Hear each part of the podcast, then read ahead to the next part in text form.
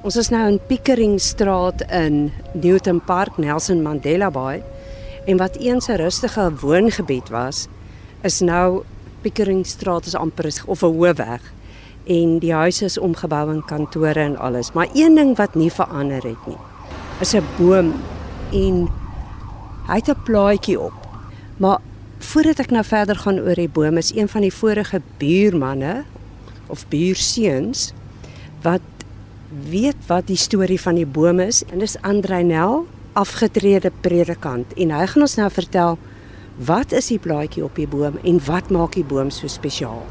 Dit is 'n wit melkoutboom, Sideroxylon inerme, wat deur my vriend Bouwer van Rooyen vir wie ek nou al van kinderdae af ken, geplant is en wat deel gevorm het van sy studie as MSc student by die Destydse Universiteit van Port Elizabeth en waar hy verskeie sade laat ontkiem het en onder andere een van die sade wat ontkiem hier geplant het by sy ouer huis en nou al so geweldig ontwikkel het.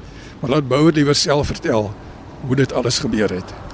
Hier is Bouwer van Rooyen, die boomplanter, die koorman, die musiekman, die afgelope 50 jaar orrelis en alles en jy het 'n boom geplant. Mariska, ja, in 1974 um, is daar 'n proklamasie uitgevaardig wat wit melkoutbome as beskermde bome geproklaameer het. En uh, dit het toe gebleik dat daar nie baie navorsing oor die boom bekend is nie. En ek soek op daardie stadium toe 'n onderwerp vir my nagraadse studies en dit is toe die voor die hand liggende studie uh onderwerp want um, ek kon toe nou sy embriologie, saadontkieming en saailing morfologie opteken. Dit was nog nooit voorheen nagevors nie. En uit die studies was daar 'n hele paar saailinge wat ek met groot moeite aan die groei gekry het want die sade ontkiem nie sommer maklik nie. En uh, toe ek nou in 1976 'n Port Elizabeth verlaat en my eerste onderwyspos daar op Somerset Oos mee begin, toe dog ek ag kom ek plant nou maar hierdie boom hier by my ouers se huis.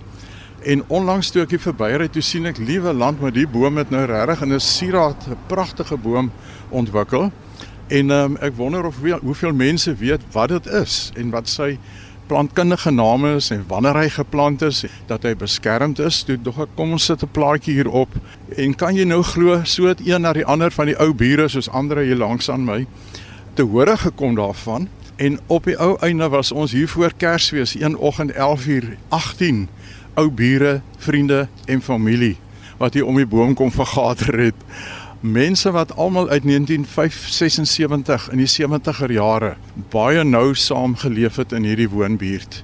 Nou enerzijds is dit 'n wonderwerk te midde van al hierdie kantoor en besigheidsontwikkeling hier in Piekeringstraat dat die boom bly staan. Dit is seker daai proklamasie wat die boom help beskerm het. Ons gesels met Bouwer van Rooyen, baie beter bekend as 'n koorafrigter, kore in Valdriehoek, Bloemfontein, Gebega, almal volhoubaar en ook dan die massa koor fees vir senior burgers wat hy nou al die afgelope 2 jaar met groot welslaa ook aangebied het. Dit was maar altyd hierdie 'n dubbel keuse wat ek moes uitoefen tussen hierdie twee passies in my lewe. Dit was plantkunde aan die een kant en musiek aan die ander kant.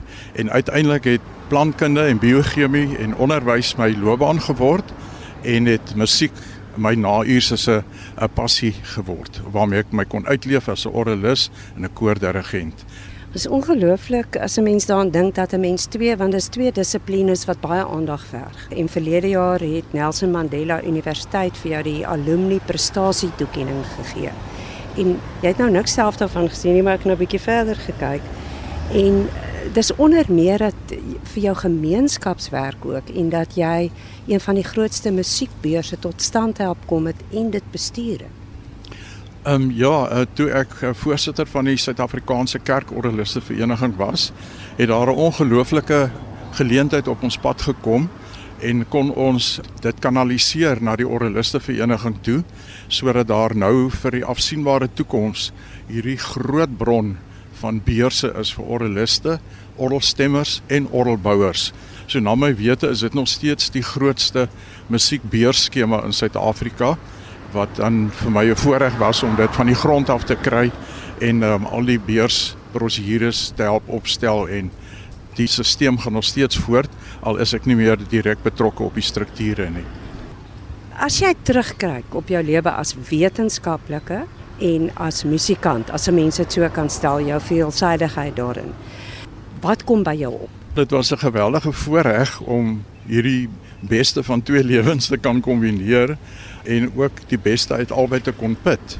Die voorreg met die kore was dat ek drie gemeenskapskore kon stig wat volhoubaar is. Die ene vereniging en in Bloemfontein en in Port Elizabeth het na my uittrede nog voortgegaan onder nuwe dirigente. So dis 'n groot groot plesier om dit te kan sien voortgaan dat dit nie tot niet gegaan het toe jy self nie meer in die prentjie is nie.